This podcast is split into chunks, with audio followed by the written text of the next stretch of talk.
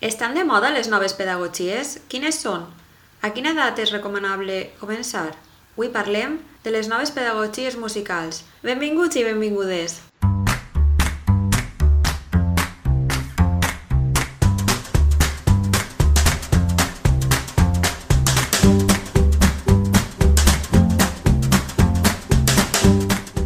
Anem anant amb Laia Bernat Garcia.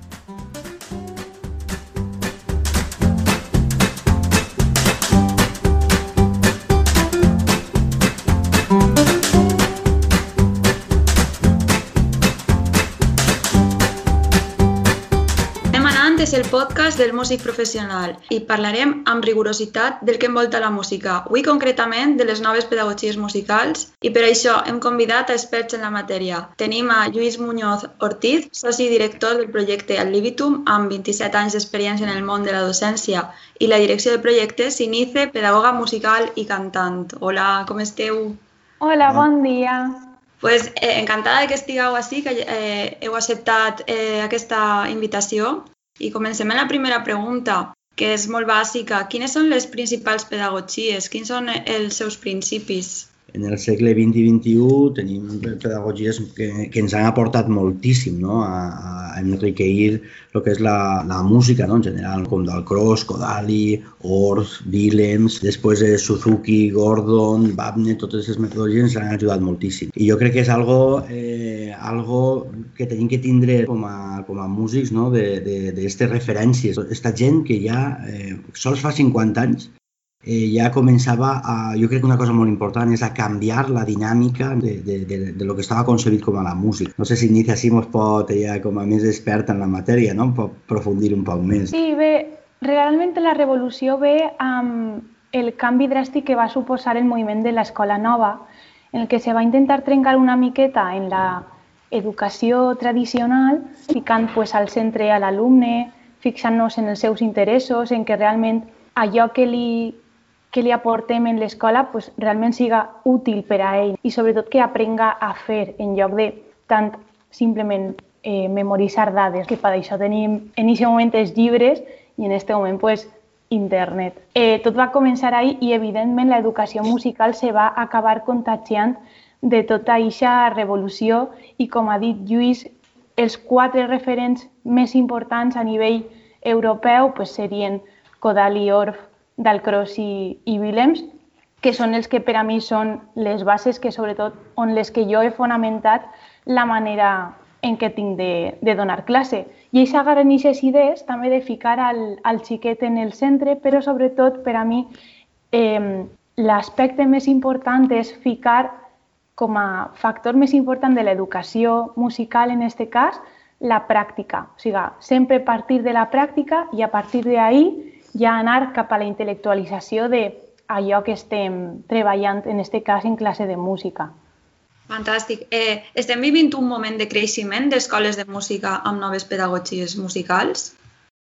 A mi me dona la sensació de que sí, perquè si ja en les escoles municipals, que és on fonamentalment jo, jo treballe, mm. cada vegada me donen més llibertat per a treballar d'aquesta manera, eh, si ja això li sumem a lo millor centres més de caràcter més privat, podríem dir-ne, encara que les escoles de música també són en essència privades, encara que contem en subvencions, eh, però sí, jo sí que estic veient, sobretot, me vaig donar compte eh, amb els meus companys de, del conservatori, els, els propis instrumentistes se donaven compte de que a ells ja no els estava quadrant la manera en què els seus professors estaven abordant el seu ensenyament. I ells mateixos venien als estudiants de pedagogia i ens deien escolta, com podria fer això millor? Com podria, si tinc que donar classe, com ho puc enfocar? Perquè jo vull que l'alumne tal, tal, tal. I tenien unes preocupacions saps? que van totalment relacionades amb, amb els principals objectius d'aquestes noves. És que ja no són noves, perquè, com ha dit Lluís, són, de, són del segle XX, però principis del segle XX, però li, li continuem dient noves perquè per algunes persones encara és com humor a banda. Això jo penso que sí, que, que estan, en, estan vamos, eh, aflorint perquè la gent s'està donant compte de que és, és el camí.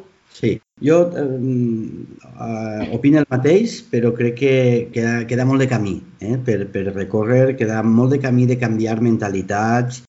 Eh, nosaltres, per l'experiència que tenim ara, que des de fa tres anys hem, hem posat a, a l'abast no? de poder compartir la nostra experiència i el nostre projecte, que és Immusi, que després de 23 anys treballant, amb un objectiu de canviar i dinamitzar jo estic parlant eh, de ara fa 23 anys que tot això que està Nietzsche no existia. Nosaltres vam voler canviar la dinàmica de l'aula de llenguatge musical, eh, donar importància a la música en els més menuts, perquè la té, eh, i, i jo crec que hi ha una algo molt important encara és eh, que tenim que creure's molt més eh, la importància que té aquesta faceta de l'aprenentatge de la música i sobretot eh, molta formació, falta molta formació per part del professorat. No?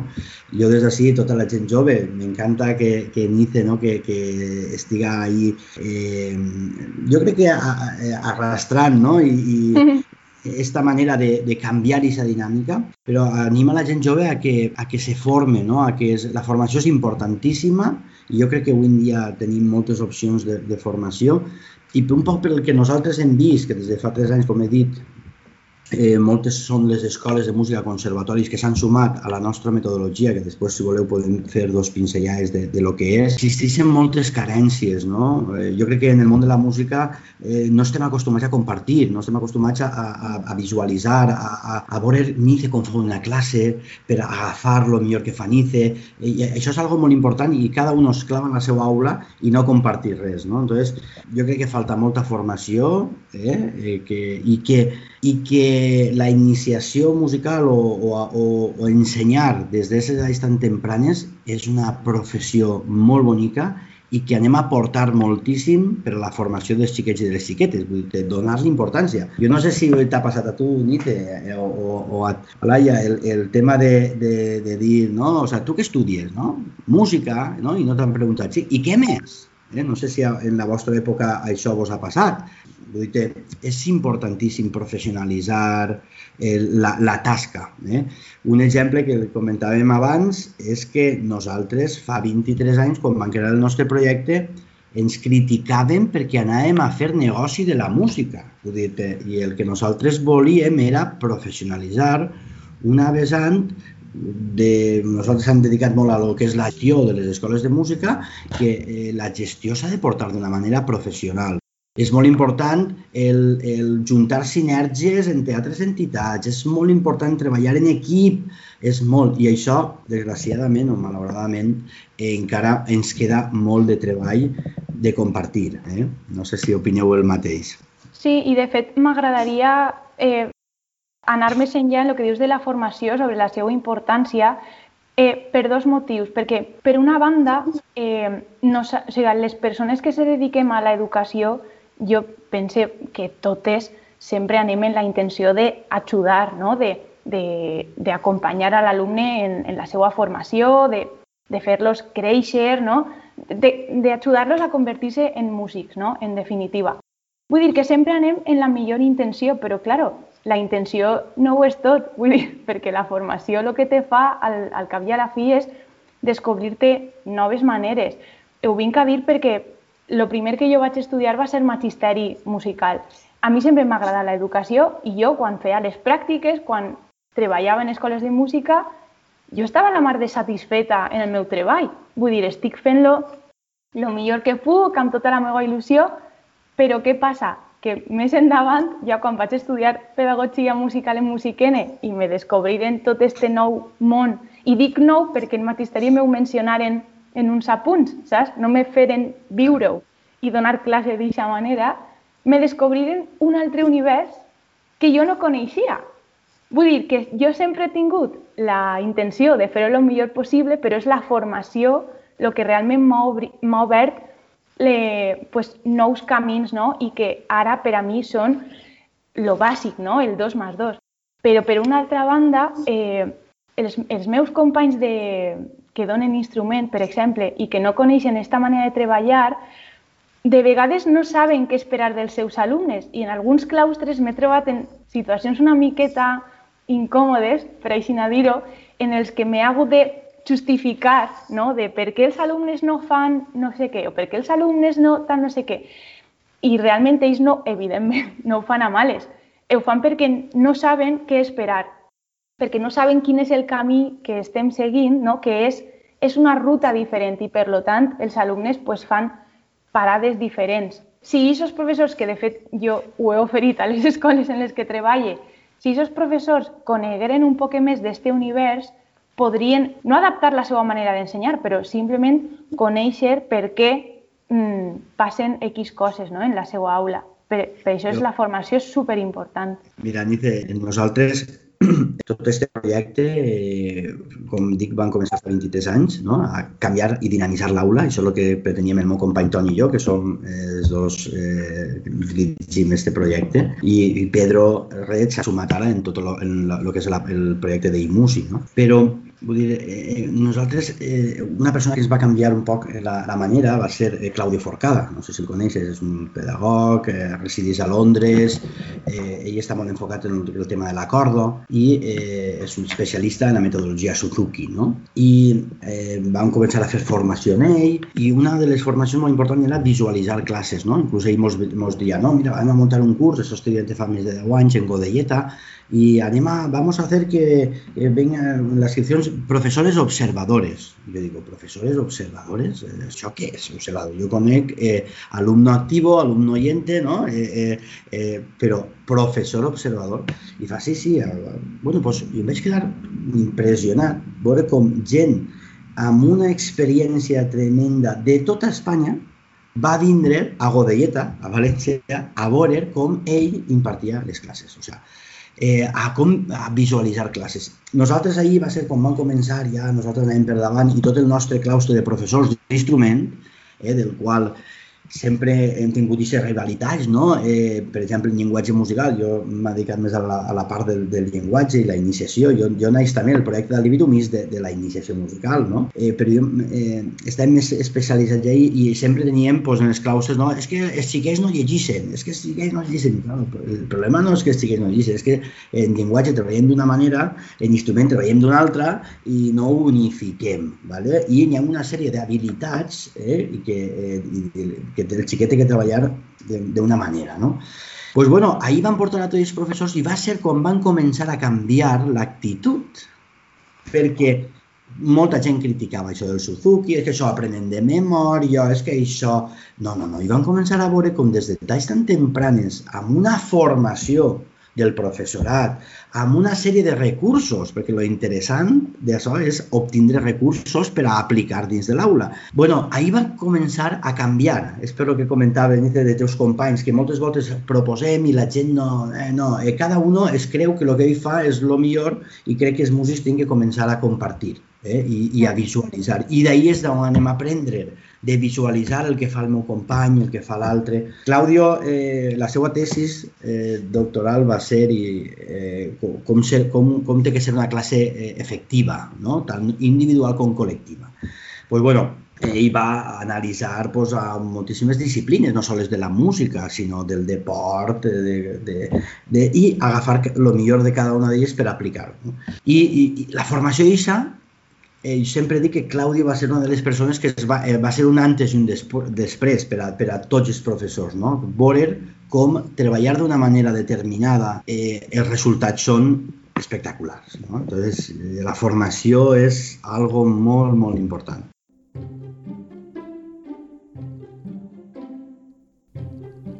Anem anant, el podcast del músic professional.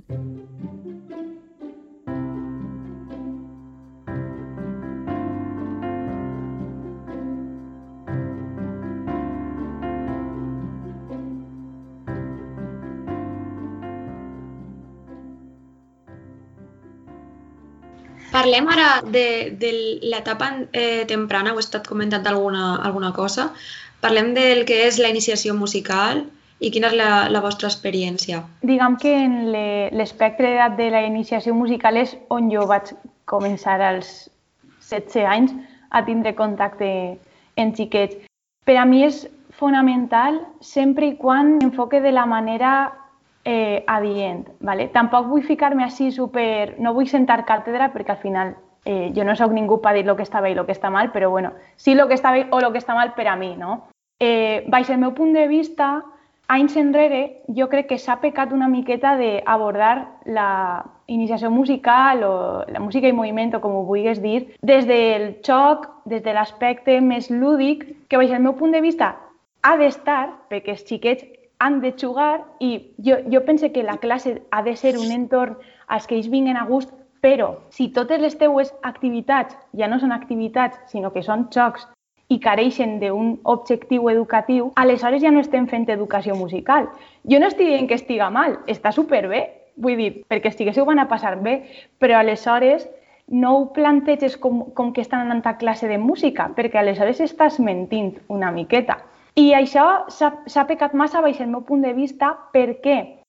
Perquè, per una banda, se li lleva importància a la, al, al valor de l'educació infantil, no? que és fonamental, a més, literalment, perquè és la primera educació que rebem. Però, per una altra banda, també se li lleva valor a la formació que ha de tindre persona que duga aquest grup. No? Aleshores, en, en molts casos pues, ficat a persones que no tenien la formació adequada. I, clar, aquestes persones, amb tota la seva bona voluntat, què van a fer en xiquets? Jugar, ficant-los música. És que posar música i jugar no és fer classe de música, ni fer classe d'educació musical. Encara que tu estigues en un grup de 3 anys, que és el grup més xicotet que jo he tingut, tu tens que tindre uns objectius, encara que el teu objectiu siga que caminen el pols, o que inclús això és complicat per aquesta edat, o que simplement reaccionen a canvis en la música, doncs jo què sé, de velocitat, d'intensitat, o també pots treballar la memòria, no? pots treballar l'afinació. Això són objectius musicals. Ho pots, ho pots plantejar des d'una des d'una perspectiva un poc més lúdica, per suposat, però l'objectiu ha d'estar ahí, no? Per mi això és lo fonamental. Lo bo de treballar d'esta manera és que si tu tens un alumne que te'l claven a l'escola als 3 anys, encara que no vaig en tu, però ja ha començat als 3 anys, i ell està cantant, s'està movent, està reaccionant a la música, està començant als 3 anys, però a treballar música. Aleshores, tot això va creant un, un bagatge cultural, musical, un, un caldo, sobre el que després tot el que vaig aprenent va tindre un fonament i se va anar assentant poquet a poquet, any rere any. Aleshores, no se té que subestimar aquesta etapa, és molt, molt important. D'acord totalment en el que estàs dient, vull dir, però estem en el mateix. Per què ha passat això? Per la formació. Vull, perquè eh, s'han posat allà, anem a fer classe de xiquets, posem un professor d'instrument a donar classe de xiquets, un professor que té un gràcia en els xiquets i que el xic farà el que puga, per això mateixa crec jo que, que és important que, que, que siguem professionals en el que estem fent. Vull dir, eh, mira, nosaltres eh, no, no fem classes de, de menys de 3 anys perquè no teníem eh, recursos per a poder aplicar. Sabeu que està la metodologia, el Gordon, no? el, el, pues, un professor eh, de la nostra escola es va especialitzar en aquesta metodologia, va fer la formació dels 3 anys i van començar a aplicar-la, no? Eh, quan una persona està formada. Però, claro, te veus doncs, molts professors que moltes vegades, per, doncs, bueno, doncs, en, la, en la millor intenció del món, no estem, jo crec que aportant, eh, bueno, estarem fent cosetes boniques en els cicles, però no estem aportant tot el que es pot aconseguir, perquè al final anem a tenir uns resultats brutals. I això també és molt important que sapien transmitir-li a les famílies. Vull dir, és Total. molt important que des de les escoles de música i conservatoris, però més la, la vessant de l'escola de música, que sapien transmitir a les famílies la importància que té la música en la formació dels xiquets i xiquetes. És molt important les actituds i les aptituds que anem a, a tindre. Vull dir, la música és molt important. Mm. Eh? Moltes vegades sempre ho, ho, ho diem, encara vegem molts xiquets en el parc que no van a música Eh? pues que tots els xiquets deuen d'estudiar música, perquè ja està comprovat, ja no és que ho diguem nosaltres, que fa 24 anys lluitàvem, ja està comprovat els beneficis que ens aporta la música. No? Aleshores, en este, en este apartat de la música temprana o des de la, la iniciació a la música, crec que ahir és on més se necessita eh, aquesta professionalitat, perquè Bueno, classes de llenguatge pues, tots en poden donar d'alguna manera o d'una altra, que també seria discutible, però donar classes a xiquets, ai, és molt difícil, és molt difícil. Eh? I així que és, jo crec que ahir encara tenim molt de camp. Eh? T'ho dic perquè estem ara coneguem molta gent que està aplicant el sistema de treball. No? Jo dic metodologia, m'atrevisc ara a dir-ho després de 23 anys, perquè al final una metodologia és una forma de treballar que obté uns resultats. ¿vale? Pues els nostres resultats són Primer, motivació. No? Els alumnes venen molt motivats, que és el que comentàvem abans. La motivació és impressionant, però després són els resultats acadèmics. No? Vull dir que els xiquets aprenen i s'ho passen bé al mateix temps. I això és eh, més alumnat en les escoles de música. Vull dir, treballem bé, va ser un benefici per a tots. No? Aleshores, eh, jo crec que queda molt de camí en este, en este apartat i, eh, i el professor que vulgui dedicar-se a això té que formar-se, obtenir recursos perquè els xiquets no són no som, i, no, i no, nosaltres no som una guarderia d'aguantar xiquets, sinó nosaltres el que tenim que fer és és que es poden fer tantes coses i ahir els resultats estan.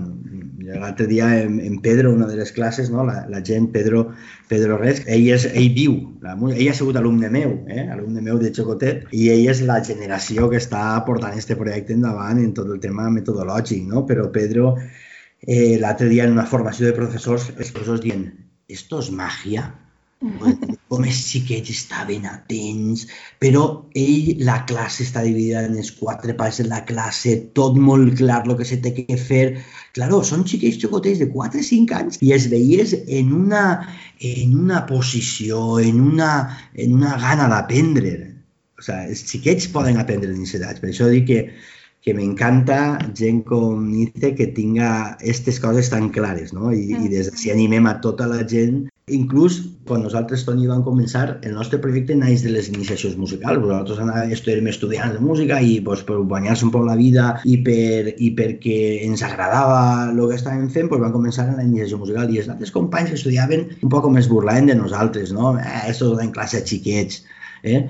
Eh, eh, o sea, hem estat molt poc valorats també, no? I, i bueno, crec que ara veus, veus l'altre dia en la classe de Pedro, pues, un xiquet improvisant en 4 i 5 anys, improvisant en vocables, o sea, és algo massa, no? O sea, i ahí dius, ahí està la feina ben feta, no? I quan veus aquests tipus de resultats. Tot allò que t'aporta la música, independentment de que després vagis al conservatori o acabes la carrera, això és innegable i és, és pràcticament és molt únic de, de la música. Si me'n volia afegir això. Anem anant, el podcast del músic professional.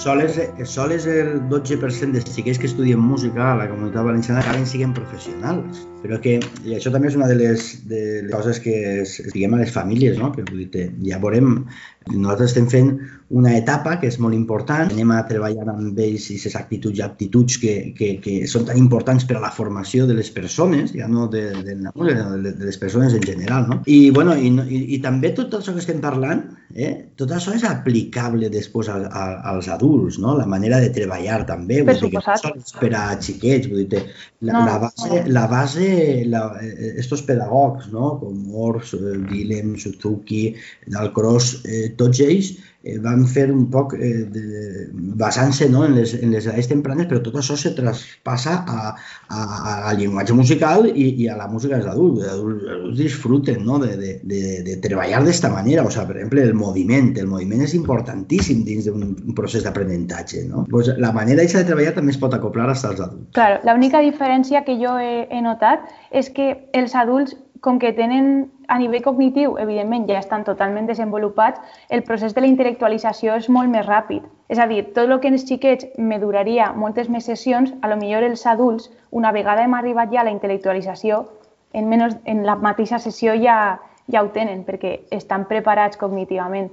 Però tot el procés d'arribar ahí, tot el procés pràctic, sí, sí, sí, és totalment comú i de fet és lo interessant d'esta manera de treballar. Mm -hmm. En l'escola Libitum esteu eh, posant l'esforç perquè aquestes pedagogies eh, tinguin el seu valor i, com has comentat, esteu fent el, el projecte InMusic, que té tres pilars, la progressivitat, el, el dinamisme i que siga lúdic i l'adaptació a les noves tecnologies. M'agradaria que ens comentares un poc més eh, en què consisteix aquest mètode i, i com, com ha sigut el procés de, de naixement. Mira, doncs, un poc per a donar totes aquestes ferramentes a tots els professors Eh, I Musi està tot molt organitzat, tot molt seqüenciat. ¿vale? Eh, van començar en el projecte del llenguatge musical que se basa en, en la iniciació musical, perquè nosaltres volem tindre, unificar eh, tots els continguts i una metodologia que abarque des de la iniciació musical el llenguatge, l'instrument i el conjunt instrumental. I això és el que portem, eh, aquesta il·lusió d'aportar a la societat este, este treball. Perquè, com sabeu, doncs, bueno, hi ha molta música per a pedagogies de xiquets, de llenguatge n'hi ha menys, eh, d'instrument n'hi ha molts mètodes diferents, però ningú s'ha sentat a, a dir ja anem a treballar que el que és que en el llenguatge, després és que en l'instrument, a intentar unificar continguts i unificar maneres de treballar. En un conservatori te, te trobes que professors de llenguatge en primer donen un llibre, en segon un altre, en tercer un altre i en quart un altre. I cada professor dona d'una manera, no n'hi ha una... O sigui, te trobes de tot, eh? no estic generalitzant, però que te trobes de tot. Llavors, aleshores, el que nosaltres volíem era unificar i, i que eh, este, este forma, este sistema de treball que l'hem dit sempre, obtinguera des de la iniciació, abarcara tot això. Eh, què hem fet? Pues, per exemple, eh, sempre en la música als xiquets es donen molt de material. I el, el millor és importantíssim, menys material, però que se treballa de diferents maneres diferents. Pues, per exemple, eh, l'habilitat de tocar un violí és molt difícil si no eh, l'habilitat del llenguatge no la tenim superada, tot al mateix temps és molt difícil. Per això mètodes com és el Suzuki, que ho treballen de, des de la memòria, no? pues, tot això fa que eh, tot això evolucioni d'aquesta manera. No? I al final, doncs, per exemple, les cançons estrella del, del llenguatge musical són les cançons que els xiquets toquen en el conjunt instrumental, cançons que ja tenen apreses, que ja han interioritzat. I algo molt important del nostre projecte és que es basem en l'aprenentatge de la llengua materna i que dins de, de eh, cada unitat didàctica del llenguatge musical, per exemple, eh, comencem en una cançó d'interiorització, una cançó que conté els elements rítmics i melòdics de la unitat didàctica. El xiquet les aprèn de forma vivencial, perquè és una metodologia vivencial de viure la música, i després treballem tot això en la cançó i d'esta cançó, nosaltres vam començar en el cançoner tradicional, no? una cançó en dos notes, no? el sol i el mi, el codali, una altra cançó tal, però va haver un punt, en estos ritmes, però va haver un punt que no, que no, no en trobàvem. Entonces, les van fer totes noves. Entonces, tot el repertori tot és, és eh, nou i eh, lo important d'això és que eh, després els xiquets treuen el dictat d'aquesta cançó d'interiorització, per exemple. No? O sigui, la cançó és un pilar fonamental de la metodologia. I després, el que era molt important era sumar-se a la tecnologia. Per això hem creat una plataforma interactiva que el que pretén és que l'alumne tinga com una ajuda per a poder treballar en casa. Perquè nosaltres portem molts anys treballant d'aquesta manera, però eh, eh, hem estat cinc anys de desenvolupament de lo que és la plataforma interactiva, cinc anys, i eh, eh, clar, les classes eren molt boniques, les classes eren molt xules, però com estudiaven els xiquets a casa? No? Pues, aquesta plataforma estava pensada perquè el xiquet tinguera aquesta ajuda i aquest reforç. Eh, I la plataforma no, el IMUSI no substituís al professor, vull dir, és un acompanyament i ajuda al professor. Entonces la tecnologia era algo importantíssim ¿no? que tenia que estar. Esta plataforma ha sigut eh, reconeguda una de les 10 millors a nivell nacional en el 2019 i això va ser una impulsió molt important. Entonces, al final, unir vivència i tecnologia a, a l'aprenentatge. La iniciació musical en aquest apartat, el que hem volgut ha sigut ajudar, com diem abans, a aquests professors que no han pogut tindre o no han tingut una formació, ¿vale? donar-los la formació adient eh, i que tot estiga molt organitzat. I quina és la diferència? Pues, també en contem en, en escriptors, pues, este és un projecte que són moltíssima gent la que estem involucrada, pues, hi ha un escriptor que ha fet tots els contes, que, eh, un il·lustrador que ha fet totes les il·lustracions i el, els llibres que té això, perquè la iniciació també té uns llibres i una plataforma interactiva, eh, que fan és una recopilació d'una sèrie de, de, com si foren les fitxes que donem als xiquets, però tot en en un disseny, en una qualitat que, que fa que la classe de música pues, siga molt més xula. Entonces, un, això seria un poc el resumen de, de, de lo que és música. Ara estem en l'apartat de l'instrument, no? de, de la plataforma instrumental, de com serà, serà una línia de temps, el, cada professor podrà personalitzar l'estudi, vull dir, té moltes, molts beneficis que podem aportar no? a, a, al món no? de l'educació. Com, com vau viure això també en la, en la pandèmia, en el confinament? L'educació musical d'iniciació durant la pandèmia, Nice? Va ser dur. sigue, sigue molt dur. Eh, però és que, claro, són molts factors, ¿vale? Eh, la situació era molt difícil, entonces, bueno, anem a aïllar, diguem, només la part de les classes de música, ¿vale? Però és que, claro, és que aïllar la classe de la persona és molt difícil, vull dir, al final els professors són persones i ens afecta conforme està el món, no? Al propi, al propi ànim. Aleshores, sí, va ser dur perquè jo sempre pensava, els xiquets no tenen culpa, els xiquets no tenen culpa. Jo tinc que estar ahí donant la cara, saps?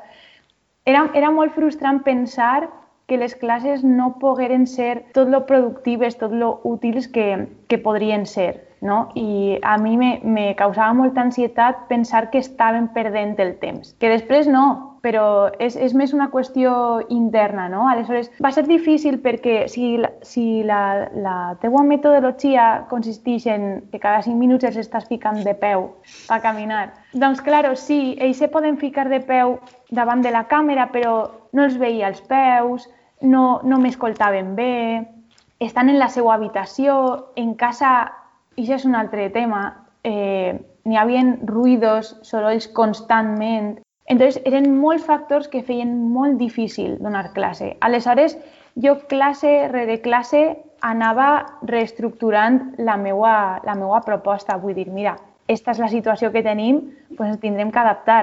I això què passa? Que ha anat en, en detriment, per exemple, del moviment. O sigui, jo he pogut fer molt menys moviment del que, del que feia abans, però és que ells tampoc, o sigui, els alumnes que no tenen ninguna dificultat els, els dona un poquet igual, no? perquè en seguida agafen les coses. Però si tu tens alumnes que tenen alguna dificultat, això és un obstacle per a la comunicació, perquè no me tenen ahí. I és molt difícil d'explicar, de, o sigui, però el fet de no estar físicament fa que la informació siga més difícil que arribi. No tindré la meva pissarra, no, no, no poder apropar-me a, a la seva llibreta a veure, a ajudar-los. Tot això eren entre bancs, eren entre bancs. O sigui, jo pense que els, els profes també ens mereixem un aplaudiment de la societat perquè sí, evidentment no hem estat en primera línia, evidentment no li lleve mèrit a ningú, però és que totes, i ara no només els profes, totes les persones de la societat que hem continuat el nostre treball de qualsevol manera, és que tenim molt de mèrit, però i això és un esforç conjunt de totes les persones que hem volgut que això no, no pare. I concretament els professors de música que ens hem buscat pues, la manera, jo al final la meva pissarra era el Paint, compartia la, la pantalla i això era la meva pissarra. Claro, tardava en escriure les coses 50 vegades més i els xiquets se partien, se rien mogolló. Però bueno, pues han sigut, bueno, anècdotes. En definitiva, ha sigut difícil, però lo important és que ens hem adaptat. Jo sempre pense que per a problemes, solucions, i ahir tenim una medalleta ben ficada. Sí, vull dir, ha sigut, ha sigut molt complicat. Eh? Nosaltres gestionem moltes escoles que anàvem a, a paralitzar i jo crec que tots i totes han fet un esforç molt important que la tecnologia ens ha ajudat molt, però també ens ha fet reflexionar, pensar de quina manera podríem fer-ho. Eh, jo crec que hi ha un apartat que ha sigut positiu i un altre que ha sigut pues, pues, negatiu. No? Jo des d'ací, evidentment, dono les gràcies a les famílies, perquè les famílies són les que, les que han han aguantat i han, han confiat en, en nosaltres, eh? perquè jo ho dia als professors, dia, ho diré ara, eh, nosaltres estem molt acostumats a que, a que, eh, a que les famílies entren a l'aula, no? O sigui, nosaltres, eh, el triangle educatiu eh, format per el professor, per el pare i l'alumne està molt, molt present no? en, en ad libitum, no? Eh, estem acostumats a que el professor es, eh, vingui, inclús eh, una volta al mes és aconsellable, però eh, que puga 15 dies, 15 dies, que puga totes les classes millor, no? Per a que el pare eh, tinga un criteri objectiu de com se treballa, no? Perquè els pares, no, si aquest va música i què treballa, no? Pues no, no, els pares formen part del procés, no? I, i les famílies han apoyat i, i ens han recolzat, no? I, bueno, eh, la iniciació musical ha sigut més difícil, més dura, jo crec que la, la, ha sorgit molt la, la creativitat eh? en els professors. Vull dir, que això ha sigut positiu, eh? han creat vídeos, han creat... Eh, jo que, això ha sigut, jo crec que algo molt positiu. El musical pues, bueno, ha sigut molt, molt resultant. Inclús tenim alumnes que ara volen fer les classes online, eh? classes de llenguatge musical online. Jo crec que això ha vengut per a quedar-se. Eh? I ara, com dia NICE, evidentment, lo presencial és lo presencial. Eh? Jo ara estem fent ara moltes presentacions del projecte online i, i no té res que veure a, a, a estar en la gent, a transmitir en la gent, a, a estar dir, eh, acostat. Però bueno, eh, jo crec que, com Dionice, eh, eh, també aquest aplaudiment als professors, no? Que, que han tingut que aguantar ahir el tipus i, i, i dedicar-li molt de temps. No? Imagina't les hores, no? em comentava els professors les hores que li han dedicat per pa, pa poder fer una activitat o que poden fer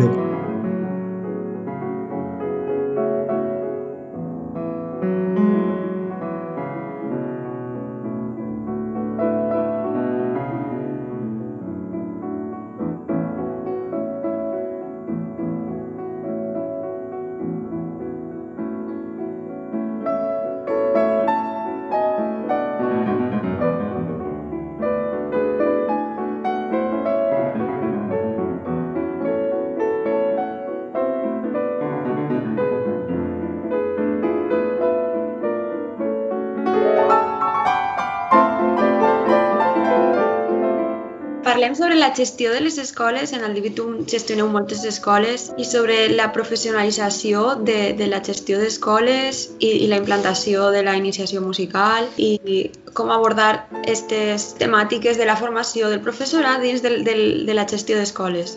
Mira, tot és per a donar-li la volta, fer... tot està relacionat, no? Per què el Divitum gestiona escoles de música? Perquè mm, gestionar una escola de música és molt difícil Vull dir, eh, necessitem juntar sinergies. Les escoles de música tenim moltes entrebancs, moltes dificultats. Vull dir, necessitem un professional de cada disciplina, no tenim temps per a poder-se reunir, no n'hi ha... És molt complicat portar un projecte educatiu de qualitat. Eh?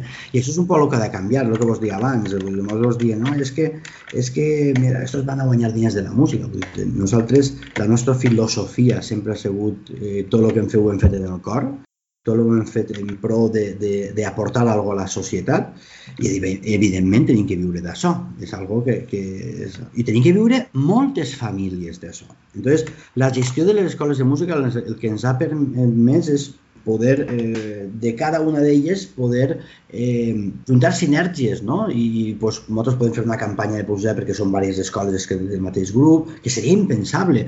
Podem tindre un compositor que ens faci un conte musical, com ara hem fet Saúl Gómez, que m'ha fet un conte. És impossible, això. Podem fer unes audicions, perquè al final és eh, reduir tots aquests costos de gestió per a poder-los eh, aportar a que puguem reunir-se tots els mesos. Els nostres professors de llenguatge musical, eh, tots els mesos hi ha una reunió de coordinació del Departament de Llenguatge, del Departament d'Iniciació, el que puguem tindre unes persones que s'encarreguen eh, els caps de departament. Tot això en una escola de música és impensable moltes vegades. Ho tens que fer per amor a l'arte i per amor a l'arte, però al final la cosa s'acaba.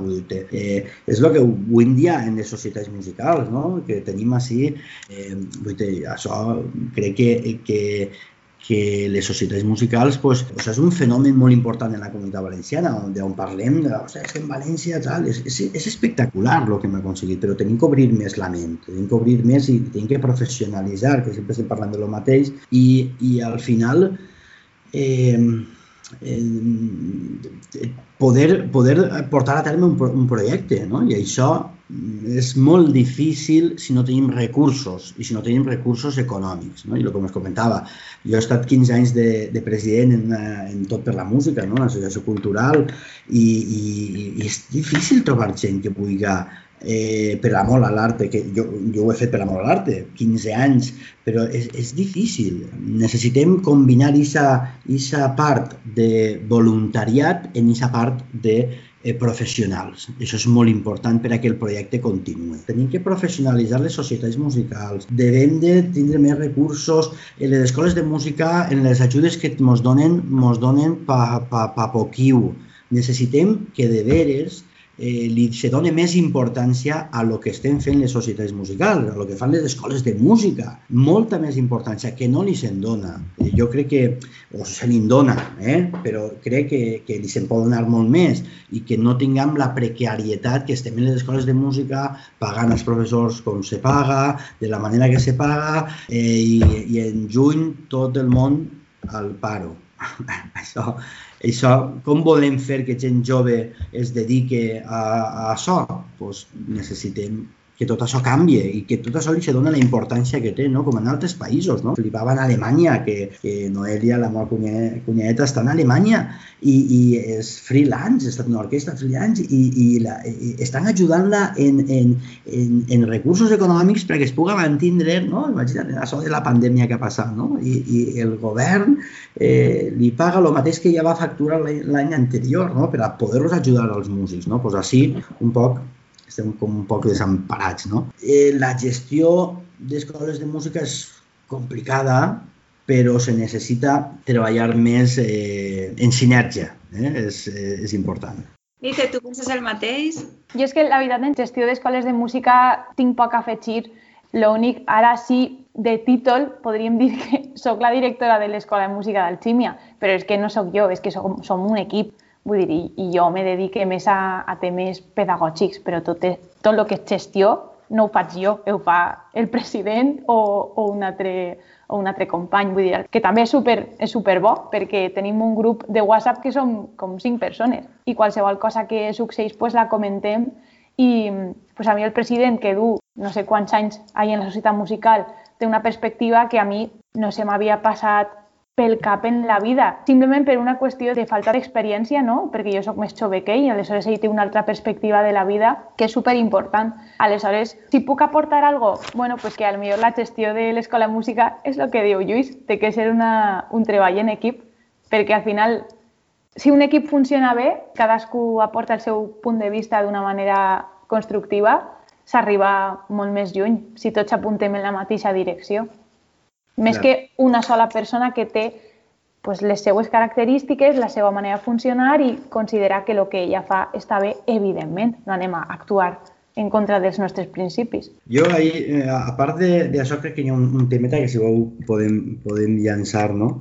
I és a tota la gent no? que està estudiant actualment, no? Que sempre ens hem enfocat a ser eh, concertistes, a poder tocar una orquestra i que hi ha molt de camí, hi ha molt, en el tema de la música no sols està aquesta rama i aquesta siga la millor, és un d'elles, no? Jo em sent realitzat en el projecte de, de, de, que estem portant de, de, de gestió, no?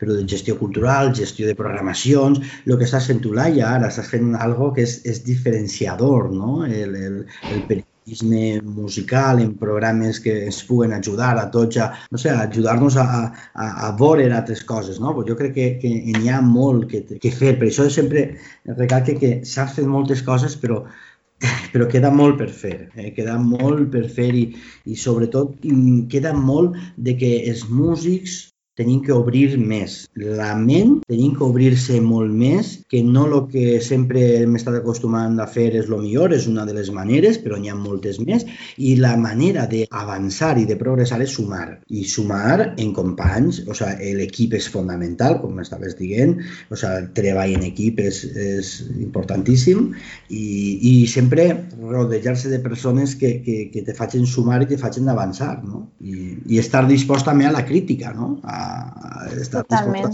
Entonces és una de les coses també que jo les decía a la gent que, que està iniciant-se, no?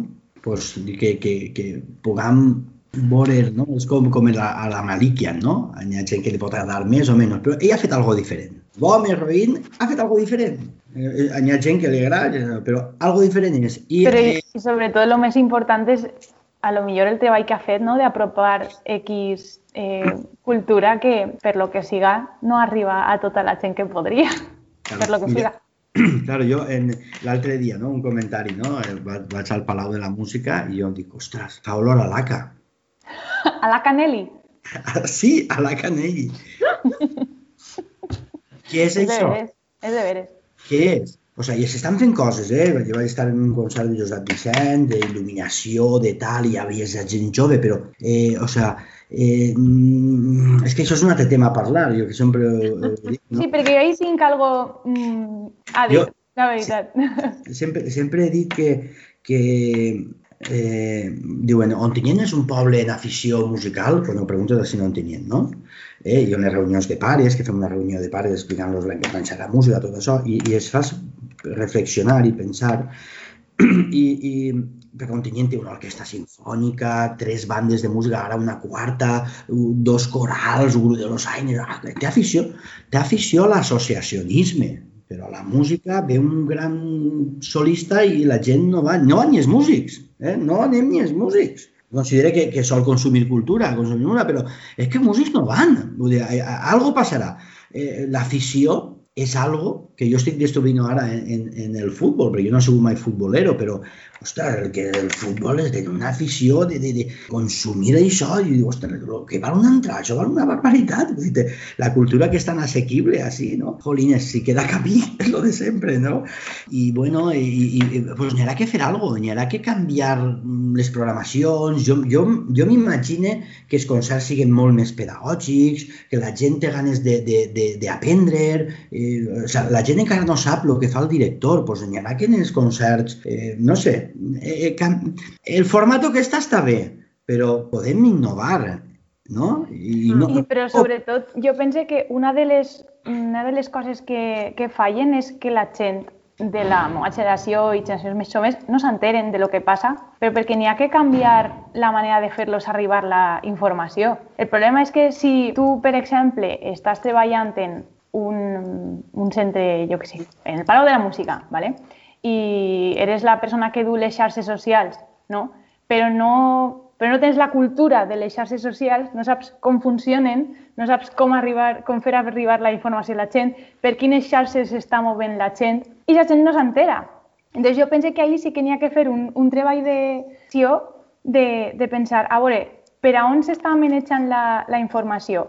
I també intentar per aquests camins també fer arribar que està, el que està passant. jo ni ho veig més com una excuseta, perquè a veure, el qui és músic i vol consumir música, t'entres a les webs, tu mateix, no falta que te la facin arribar, entres i veus la programació de tots els jocs, perquè el Palau de la Música té una gran això de publicitat, de màrqueting, enviar, que evidentment les xarxes, està el Facebook, està el, el, el, el, totes les xarxes que estan al nostre abast, però al final som, som nosaltres, vull dir nosaltres Sí, som... però els- és una ferramenta que estàs desaprofitant. Sí, però vull dir No, o millor dit, no l'estàs aprofitant al 100%, perquè si tu confies en que no, la gent se té que interessar, evidentment sí, però claro, això és algo molt més profund, no? Per què no n'hi ha interès, d'on ve aquest problema, tal.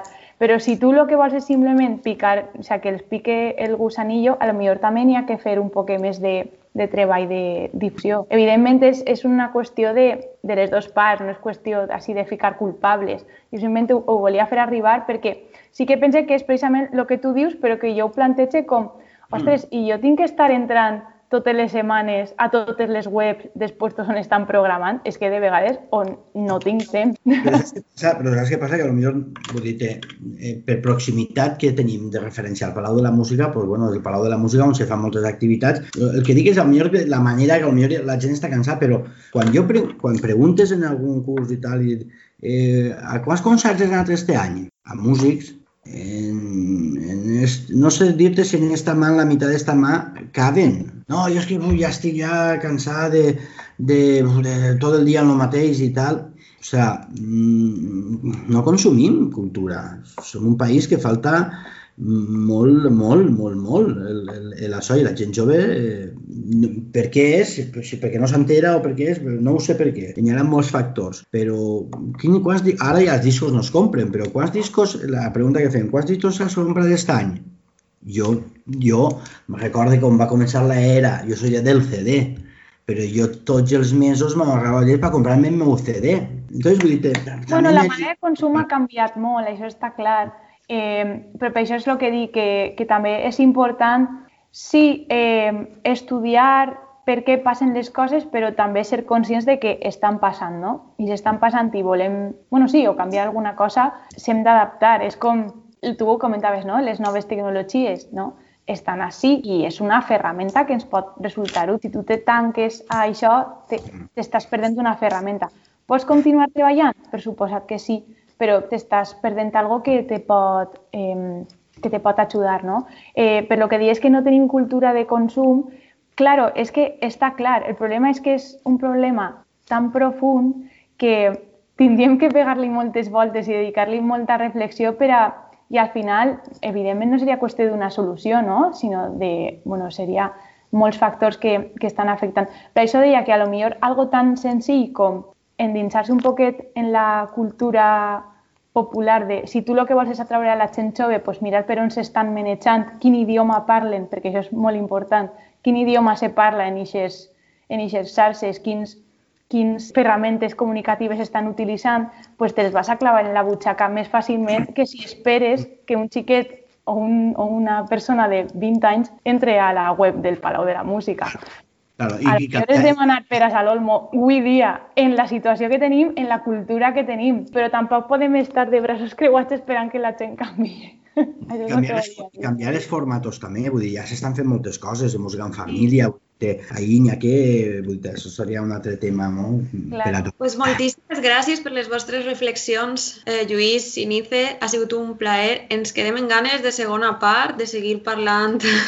Quan vulguis els nous públics, eh, com eh, influïs les noves tecnologies, de seguir parlant del valor de, de l'educació musical en, en la iniciació musical. I ha estat tot un plaer. Igualment. Per a nosaltres també. Eh? un plaer conèixer-te, Lluís. Tu també, Nice. Eh, estarem, estarem en contacte. Eh, per Totalment. Pot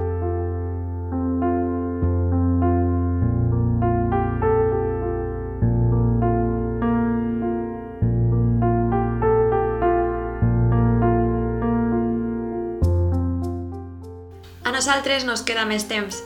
Recordar-vos que ens podeu seguir a les xarxes socials com Instagram, Facebook i Twitter i que la setmana pròxima parlarem sobre la gestió cultural. La que vos parla és Laia Bernat, que tingueu una feliç setmana.